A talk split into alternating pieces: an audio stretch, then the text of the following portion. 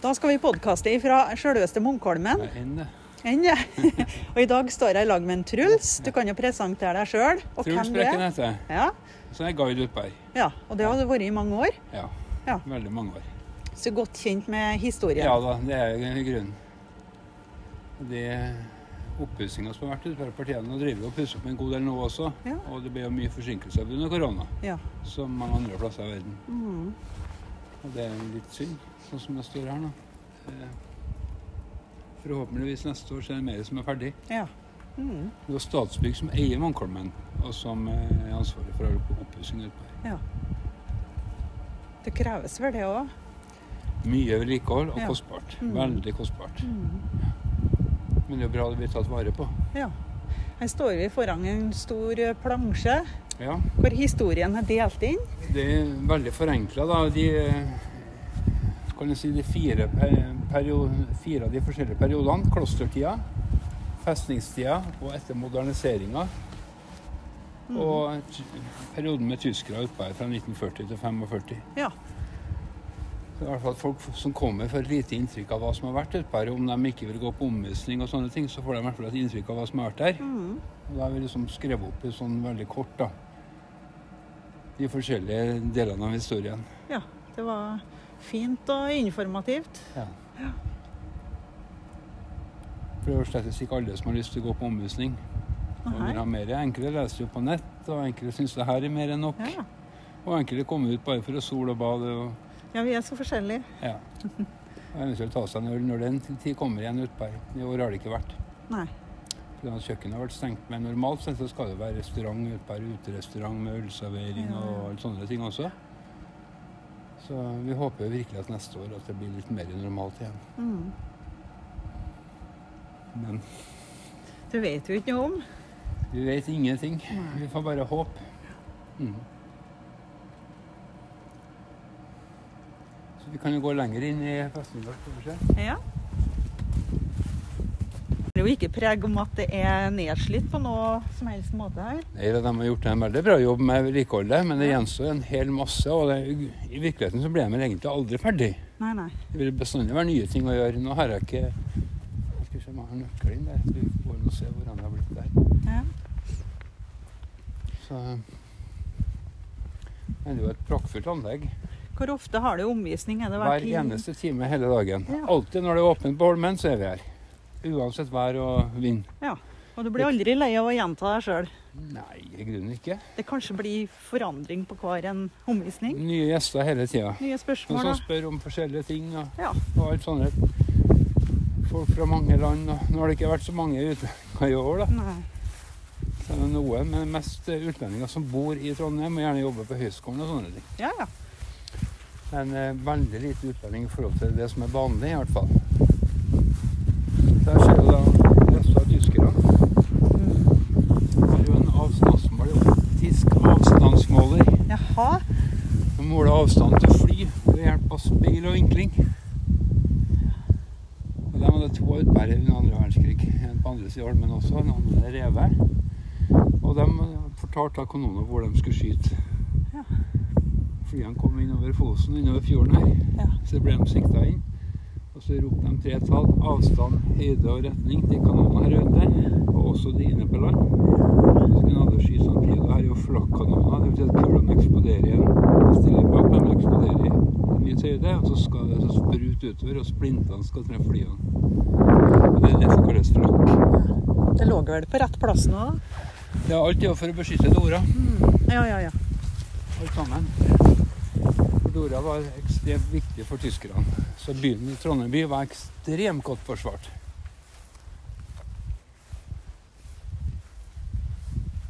Etter krigen så begynte de å rive mye av de tyske delene oppe her, men nå er det noen deler av historien som er vel så viktig som mye av det andre. Mm.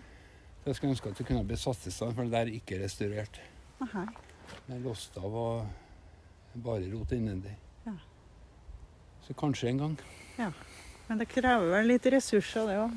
interesse og penger og Ja. Mm. ressurser og alt sånt. Og det, akkurat det tyske i Norge er veldig lite av som blir restaurert. Ja, det er kanskje det, altså. Som om det ikke er gammelt en, nok, eller jeg vet ikke hvorfor. Men folk det er en viktig del av historien vår. tyske. Men eh, etter krigen så forfalt det bare. Ingen tok vare på det. Mm. Alt det tyske skulle liksom bare bort. Og da var det jo seks kanoner her ute. 10,5 cm kanoner her. Og en av de ser du restene av stilling. Ja. Og en der borte har vi en kanon som vi har fått tilbake igjen. Å ja. Etter, Så det er én som står. ja, etter krigen så ble alt flytta ut på kysten og brukt av det norske forsvaret Ja. mot sjømål. De kanonene her 10,5 cm, mens tyskerne brukte en, det kaliberet mot luftmål. Når fikk dere den her tilbake på Munkholmen? Det er 16 år siden. Ja.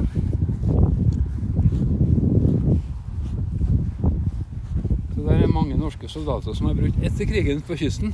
Mm. For på øvelse som var inne i Forsvaret. Det er artig at vi har fått det tilbake. For det er også en del av historien oppe her. Ja. Der ligger det vanligvis opptil 1200 mennesker på gåværsdager og soler seg og bader. Halvnakte folk over hele øya. Det var jo en del sånne dager i juni i år i hvert fall. Og dere er ikke redd for at det skal slites ned av den grunn, eller? Statsbygg er nok redd for slitasje utpå her. Ja. som er ansvarlig for eh, eiendommen. Men eh, det må jo brukes. Ja, Det kan det jo ikke bare ligge her tomt. Neida. Det er viktig at Munkholmen er i bruk. Mm. Vi forstår, vi har akkurat, vi har ikke så mange øyer og fjorder, nei, øyer og skjær i Trondheimsfjorden. Det er veldig unikt.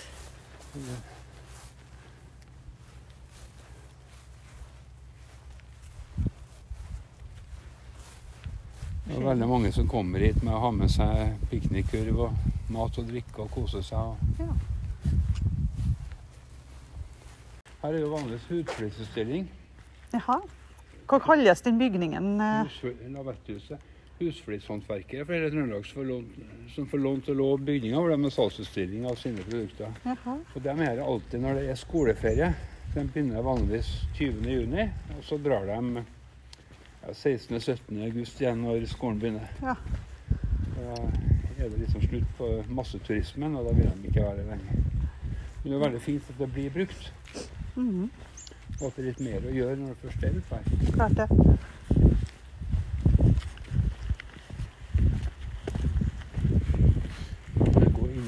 Sånn. Ta det bruket her med samme Her er en den gamle brannstasjonen. Det var kakebrød for tyskerne i andre verdenskrig. Var det det? Her var det fengsel. Her er satt vakta. Jaha. Her var det inne er noen soldater som har gjort noe gærent. Ja. mange som har skrevet forskjellige ting, som hvis du er på en fest som varer for lenge, så hold deg klar for fem dager i buret. Og 21 dager for å ha sovet for lenge, men dog var det skjønt. Ellers så var det brannstasjon i Her var gamle brannstasjon. Ja. Her ser vi det gamle slanger, ja. Ja.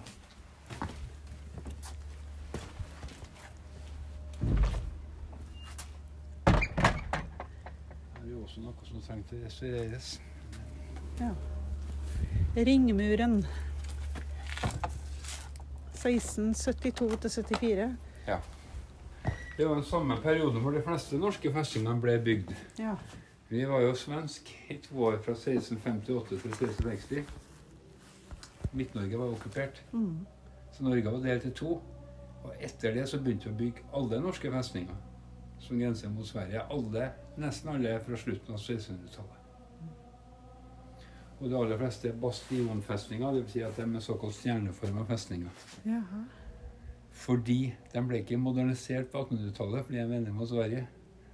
Men Munkholmen som går andre veien. Den ble modernisert og laga rundt Ja, på 1800-tallet. Etter det nyprøyssiske system. Ja, det er forklaringa. Mm. Så det er alle norske festninger mot Sverige de er stjerneforma. Alle ble nedlagt under unionen med Sverige. Svenskene likte ikke de festningene. Nei. Det være seg Kristiansten, Kongsvinger, Fredriksten, Varhus. Alle sammen ble nedlagt. Nå skal jeg ha på musikk i bakgrunnen. Det er fint, ja. Så her oppe er jo det omvisninga her. Alt foregår innendørs. Ja. Så når jeg begynner å prate, så sitter folk her.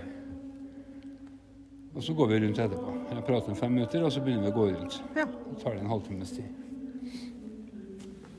Og det at vi korresponderer med båtene Båten kommer kvart over, så begynner jeg halv, så skal jeg ferdig til hel, sånn at jeg rekker båten inn igjen. Ja, ja.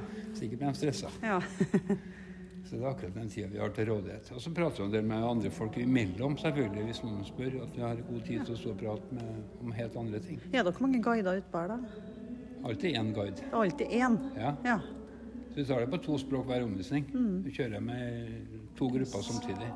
Sjongler litt med hvor de går. ja.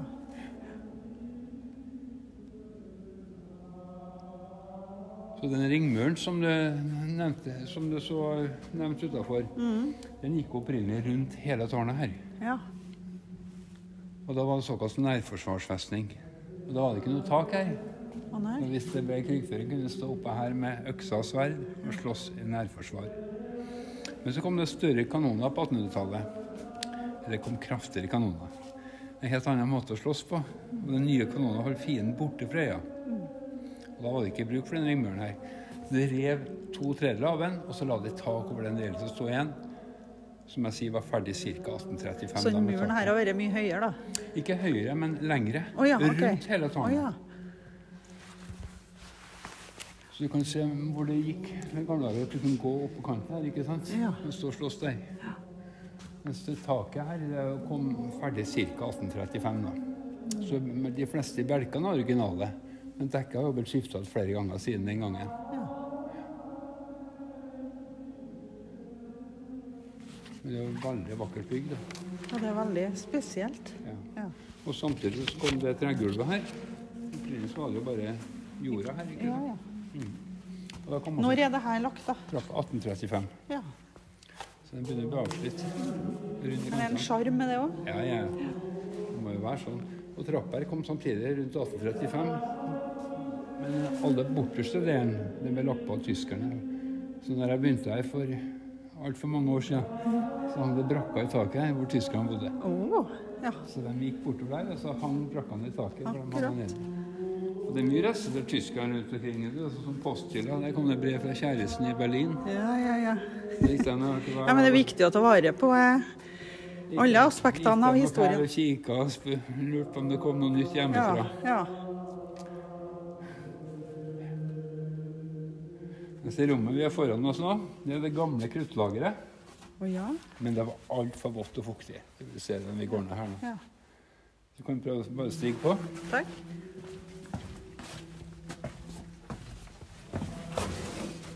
Pass på hodet. Lukt under taket.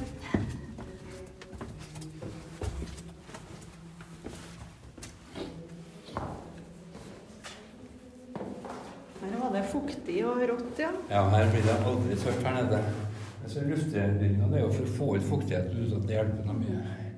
Det var lenge før grunnmursplassen gjorde sitt inntrykk. Ja. Og det er ikke det høyeste punktet på øya. Det gjør at det siger vann inn. Hver gang det regner, så går det to-tre dager, og så siger det vann inn her. Så det er rett dårlig planlegging. Men de brukte det som kruttlager? Nei, det det rommet her vi ser brukt som isolasjonscelle. Fanger som var særdeles vanskelig, eller som slo seg vrang, En kunne bli plassert her nede. Og det var Ja, sikre død ganske fort, da. Du kan ikke ligge her lenge. Altfor kaldt og fuktig. Her blir det aldri varmt. Det er seks grader i løpet av sommeren, og så holder det seg til én til to pluss om vinteren. Men varmere enn seks grader blir det aldri. Men sånn som søylen her var helt løs. Så en dag, ja. en dag så detter den ned. Men her er det mange som har eh, endt sine dager, altså. Ja, det er mange som har blitt syke av å ligge her nede, i hvert fall. Ja. Og klart, hvis du gjorde noe mye gærent og visste å bli plassert her nede, så tenkte de to så, så hvorfor de la kruttlageret ikke på høyeste punktet, det er litt uforståelig.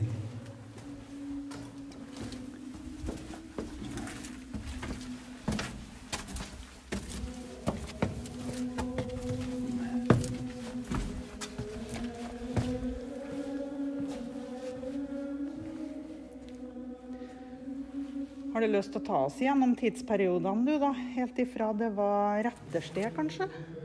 Ja, kanskje det. Eh, rettersted vet vi ikke all verden. Og det er hodene til Håkon Jarl og trellen Kark heter historien oppe i Melhus. Ja, det har vi med i en tidligere podkast her. Ja, ja. Og de hodene ble da rodd utover hit. Olav Tryggvason med en del soldater. Og som reiste nidstenger på Munkholmen. Og ropte Nidor mot den. Fanden, ta den nidingen og dra dit andre nidinger er. En niding er en forræder. En sviker. Og der er navnet Nidstenger og navnet Nidsted. Håne. Og Munkholm ble også kalt for Nidholmen den gangen. Og Senere så ble også klosteret Nidarholm og Munkholmen ble det først på folkemunne etter at klosteret var nedlagt. Så det her var nidsted for Trøndelaget. Og da sto det antakelig flere påler rundt omkring med det hoder som tatt av vær og vind. Så det var et dystert og trasig sted. Og det møtte de, da, skipa som kom Ja. forbi her. En fin advarsel når du kom inn mot Trondheim. Og det her var jo et nidsted helt frem til mot det første munkene kom. Og rundt år 1103 mener vi at det første klosteret ble, ble grunnlagt. Og det var grunnlagt av ullstreng. Ja. Og da må jeg komme inn på det lokale som jeg eh, Der jeg kommer ifra. At far til Nullstreng ja. han var en Lodin Vigørskalle fra Vigga Ja. i Skaun. ja. Så alle klostrene ble som regel Økonomien da, Ja. kom fra folk som ville komme nærmere Gud. Ikke sant? De bevilga penger til et kloster eller til kirka for å komme nærmere han der oppe. Ja. At det handla om det. For de frykta jo skjærsilden og det som skulle komme etterpå. Men det var de livredde. Og litt av problemet den gangen var at Bibelen bare fantes på latin. Ingen visste hva som stod der. Så munker og prester kunne egentlig si hva de ville. De trua jo folk med skjærsilden. Ja. Men det var et velstående kloster da? Det var godt Ja, det ble etter hvert så ble det jo Fikk jo større og større eiendommer. Og etter hvert så var de oppe i 200 eiendommer rundt omkring i Trøndelag. Hvor ikke de jobba, men de hadde folk som jobba for dem. Både. Nord- og Sør-Trøndelag? Ja, folk som jobba for dem. Ja.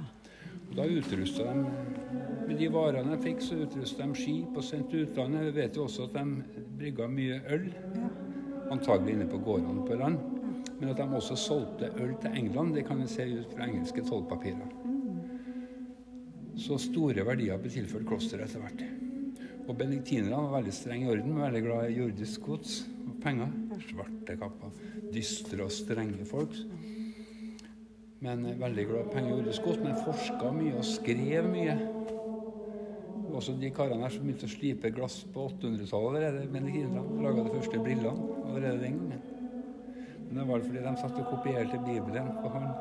Satt i et dårlig lys time etter time og skrev og skrev og skrev. Forresten en veldig fin film med Sean Connery i hovedrollen som heter 'Rosens navn'. Å ja, ja. Og Da kommer han til Bene- benediktinerkloster. ja. Så viser jeg hvor forskrudd de var. Religiøst. Mange av dem i hvert fall. Kanskje annerledes enn det vi forestiller oss munker. Folk tenker gjerne på munker som tiggermunker. Sånn, men det er en helt annen type munker. Dette var ikke tiggermunker. Dette var mektige folk.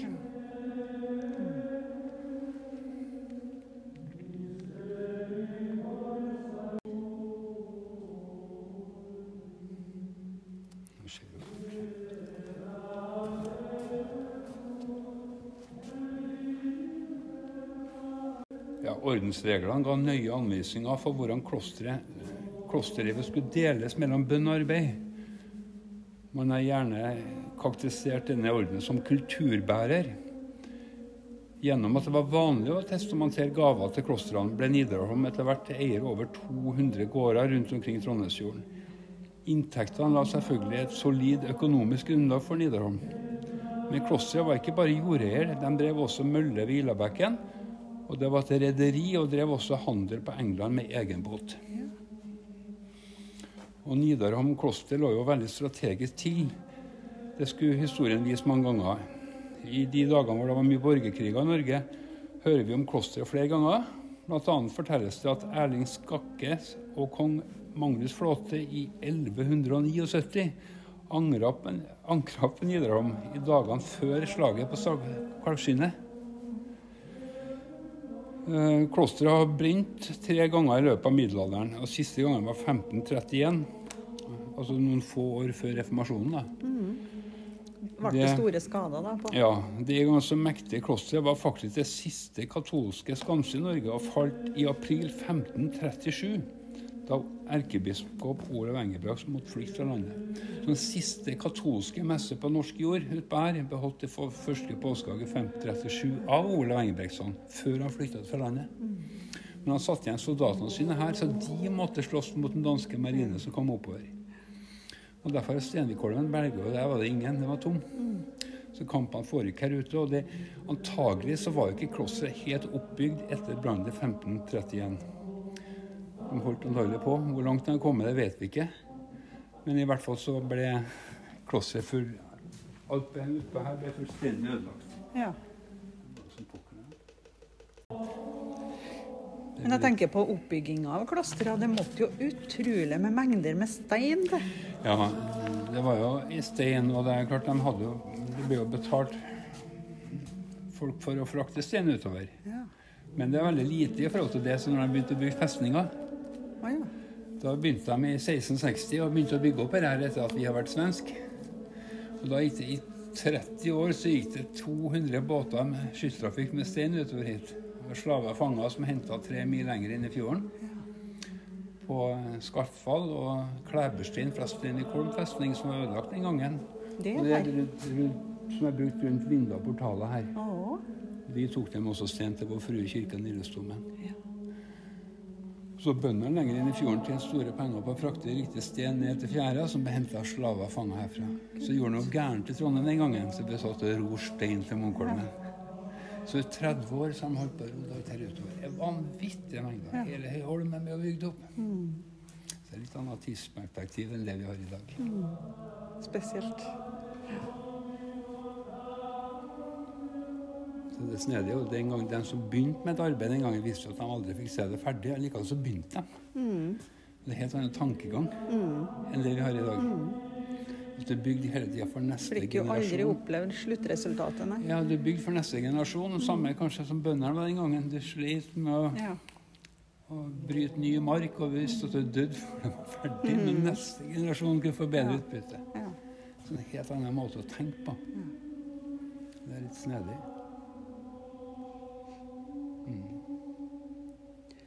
Så vet ikke jeg hvor langt fram jeg får lov til å hoppe, men eh, Griffenfelt må vi jo prate om. Ja, vi kan jo prate om når vi kommer opp i tårnet. Så for som festning så har ikke Munkholmen noen sånn fin historie. Nei. Det har skjedd veldig lite her ute.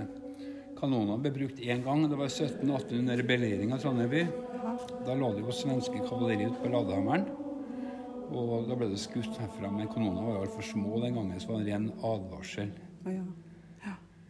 Og i 1807 så var vi i krig med England. Og Da kom det et engelsk skip inn i fjorden.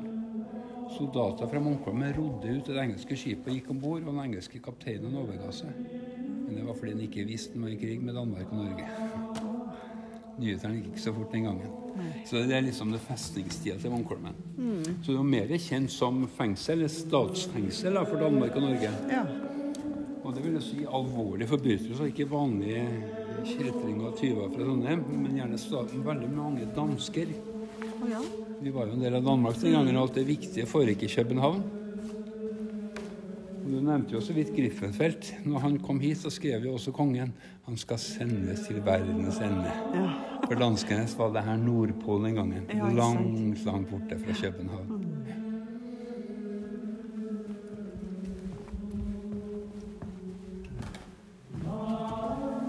Vet ikke om du får opp får inn lyden her. Det er egentlig så veldig egnet. Lyden her er jo helt fantastisk. Den var spesiell, ja. Hva er årsaken til det? Ja, det rommet her det er det nye kruttlageret.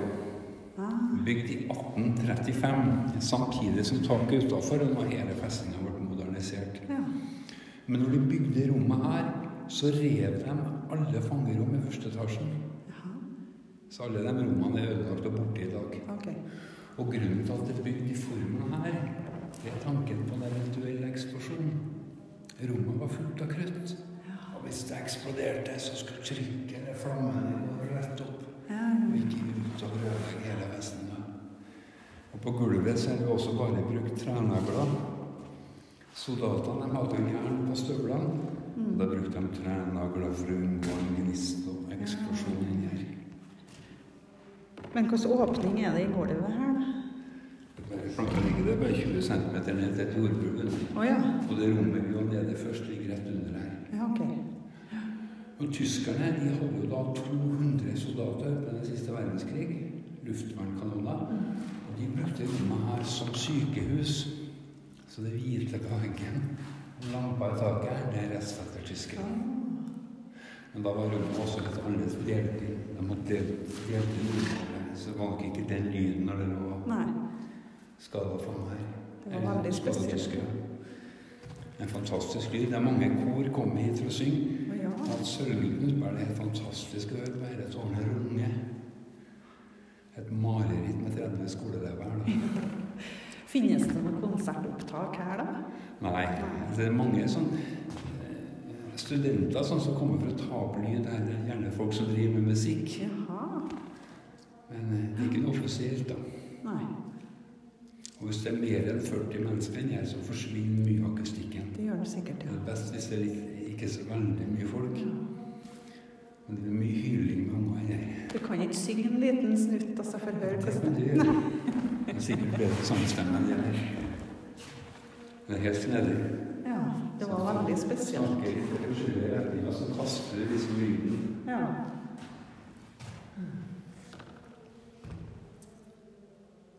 Det er for øvrig det første byggeverket til det norske ingeniørvåpen etter det ble opprettet 1825. Det er snedig bygd.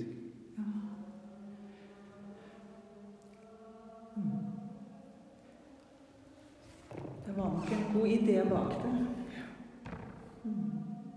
Det er klart at Munkholm var jo først og fremst festning. Det var den viktige biten. At den aldri ble brukt, det spiller for så vidt ingen rolle. Fordi den lå her, så var det en trussel mot fiendtlig flåte.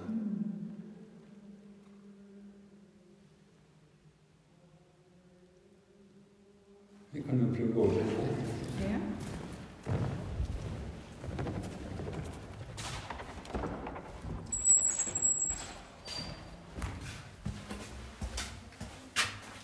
Skal vi opp? På trappa som er opprinnelig fra 1681. Å.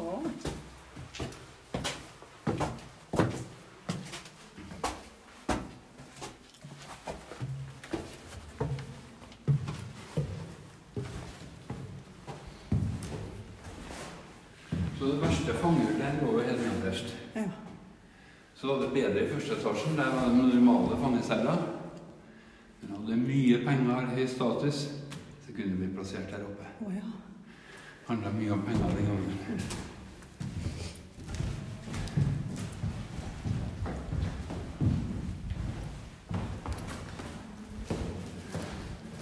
Liefeld var den mest kjente. Han het jo egentlig bare Peter Schumacher. Jaha. Faren kom fra Hamburg i Tyskland. Der er navnet Schumacher. Han var vinhandler i København. Men sønnen var veldig glup. Han begynte på Universitetet i København, tolv år gammel. Og gjorde en lynkarriere ved hoffet, hoffet hos danskekongen.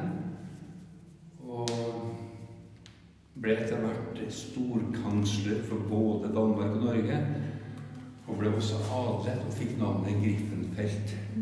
Griffenfeldt var mesteparten av området fra med Drammen til og med Tønsberg. Mye av det senere overtatt Ved Jarlsberg. Nå sies han bare hadde tre år før han falt i unåde. Blant annet så jobbet han for fred mellom Danmark og Norge og Sverige. Og det falt kongen i vond jord. Likte han særdeles dårlig. Etter en masse intriger ved hoffet i Danmark, så falt han til slutt i unåde. Ble dømt til døden for høyforræderi og korrupsjon. Han ble benåda i siste sekund med øksa over nakken på Rådhusplassen i København. Satt fire år i fengsel i Kastellet i København før han kom hit. Og her satt han da i 18 år, 1698-98, som første fange på Munkholmen. Men når han satt her, så var også rommet en del større. Okay. Gikk inn mot midten her, mye ble jo ødelagt av det kruttlageret i 1835. Før så var gulvet som her nede, inn mot midten, og på samme nivå i de andre cellene. Så det var ei celle her? Ja, stort rom. Ja. Så det sånn fikk innredet leilighet. Jaha. Så han hadde det forholdsvis bra, altså? Ja, og taket utenfor kom i 1835. Ja. Slik at han hadde dagslys i rommet her, og kunne også se Trondheim gjennom vinduet nede. Men hvordan var det på vinterstid? Isbitene hadde står og han bestandig frøs og gikk med slåbroken på utapå klærne. Kanskje han kom fra Danmark og et annet klima. Ja. Og du ble får det aldri varmt der inne. Nei. Og når biten er kaldt. Men han fikk en masse privilegier det er en veldig spesiell fange. Og da så fikk han anledning til å gå rundt på øya og Fritt? ja da, og prata med kommandanten og sånne ting. Og i rommet siden av så hadde han i tolv år sin egen tjener. Så fangen hadde sin egen Ja, ja. tjener? Peder Nilsen het han. og Ja. hadde medalje for det. Og han fikk flere ganger tilsendt vin fra København. Og Griffenfeldt var også veldig flink. Han var veldig flink på både gresk og latin. Så det kom elever fra katedralskolen i Trondheim som han underviste i gresk og latin. Blant annet en syv år gammel gutt som het Peter Wessel. Senere kjent som Torbjørn Skjold. Han ble satt fri, eller fri og fri. Han fikk husarrest i Trondheim by etter 18 år, for han var meget, meget syk, og døde bare et halvt år senere inn i Trondheim. Han ble da balsamert i Trondheim, og liket ble smuglet til Danmark. Da ligger han utenfor Horsens i Danmark ved siden av sin kone, en nydelig gullforgylt sarkofag i Korekirken. hver kirke utenfor Horsens i Danmark. Svigerfamilien kom fra området Veile. Det var en holden familie. Så han ligger ikke i Trondheim. Han døde i Trondheim. Han kom aldri tilbake til sitt kjære Danmark i livet. Det må også sies at han ble veldig religiøs her ute. Og prøvde å frelse fangene. og skrev det at meg tykkes det å være bedre å være en portåpner til Guds rike enn å være kansler og stor mann i Danmark. Han måtte kanskje tenke slik for ikke å bli fullstendig sprø. Ja, For det var lenge, vet du. Han skrev egentlig veldig lite til jeg var så godt utdanna. Ja. Så konsentrerte seg mest om Bibelen etter hvert. Fikk en korrespondere med andre ja, hjemme i Danmark? han kunne nok skrive. Ja, så han fikk korrespondert og sendt Ja, ja, lite ja. mm. Men nyhetene tok lang tid den gangen. Ja, ja. Det tok jo mange uker med båt for å komme over hit. Mm. Så for danskene som var sendt hit, så var det her på andre sida av jordet. Ja, ja. Det var langt, langt, langt, langt borte. Men vi har jo Griffenfelds gate i veldig mange danske og norske byer, og stort sett så er det ingen som vet hvorfor. Men at han står bak grunnloven vår, eneveldeloven, som kom, og som vi senere fikk en, reform, en, en endra versjon av i 68, da, kongeloven. Men opprinnelig eneveldeloven, det var det han som sto bak. Derfor har det Griffenfelds gate i veldig mange danske norske byer, også i Trondheim. I Trondheim er bare en liten til Ja, ja. Så Griffenfelt er rett og slett et adelsnavn, et grevskap. Som jeg bare hadde til han rakk aldri å bygge seg noen herregård i Danmark. Nei, utenfor Drammen. Skulle bygge der.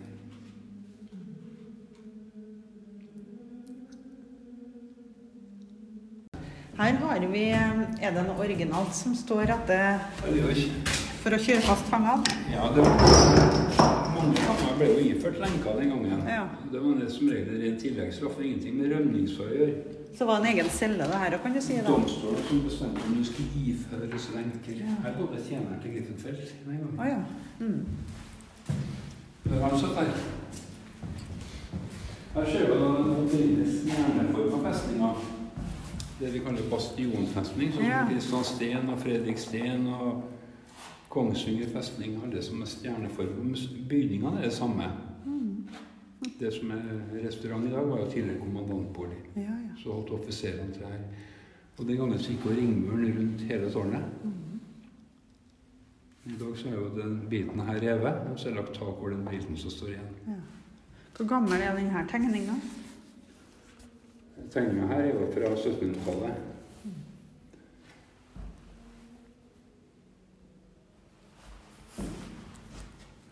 Vi må ta Og så er du også brygga.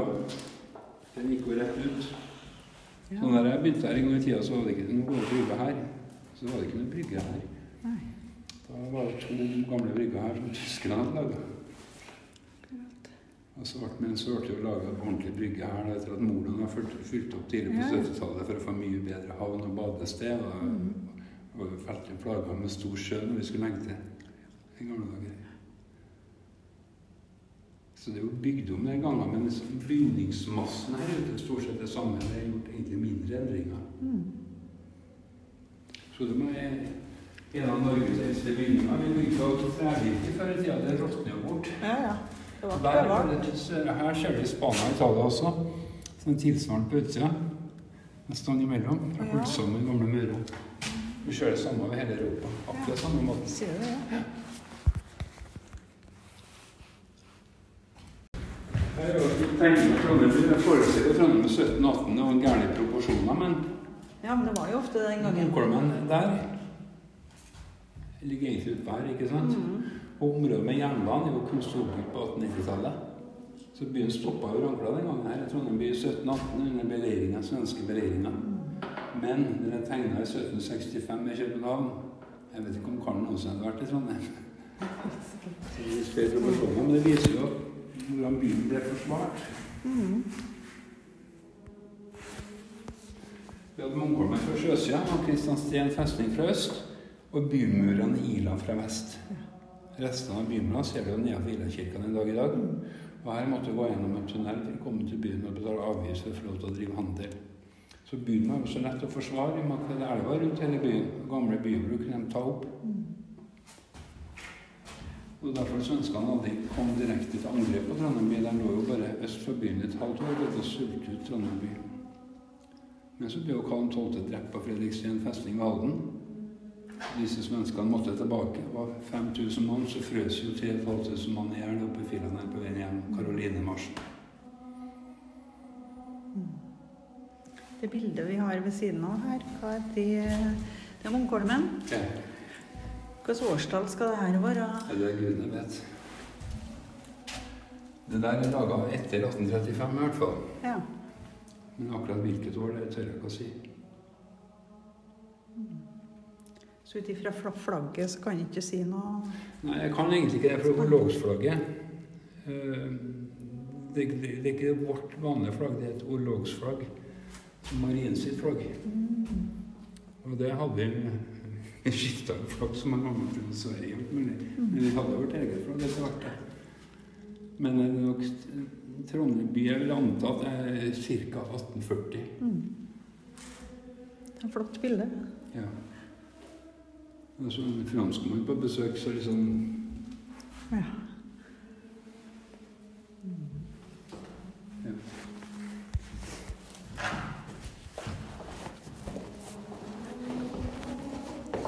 Her var jo Istre som skulle holde det her tårnet for. Men det ble også ødelagt når de bygde kruttlageret i 1835. Ja, ja. Mye rom i her. ja. Her er trappa også den gamle fra 16, slutten av 1600-tallet. Ja. Da kommer vi opp en litt nyere del. vet du. Her var det jo bare et loft opprinnelig. ja. Men tyskerne de rev taket som var på Munkholmen, eller på tårnet. Slik at det var helt åpent der. Så når jeg begynte her en gang i tida, så sto vi utendørs og snakka her. Så det er såpass nytt, ja. Så taket her, det kom i 1981 for å få den gamle profilen på øya. ja. Etter 300-årsjubileet jubileet til den store bybrannen i 1681, så fikk vi nytt tak. Så sett utenfra så hadde Munkholmen fått riktig profil. Her inne var jo helt annerledes. Så det som står her nå, det var reist av tyskerne. Ja. To kanonstillinger og en alarmsentral i midten. Svære marinefraktbatteri. Drontheim med det. Ja, det stedet Drontheim, det kalte de jo bare Trondheim under andre verdenskrig. For De skulle jo flytte bysentrum ut på Øysand og lage en ny byen som het, skulle hete Drontheim. Så litt snedig der. Så var det jo seks kanoner. Så der, ja. Og to mindre kanoner her oppe. Og så avstandsmåleren der, og en avstandsmåler på sida her. Ja, det var to, ja. Mm. ja.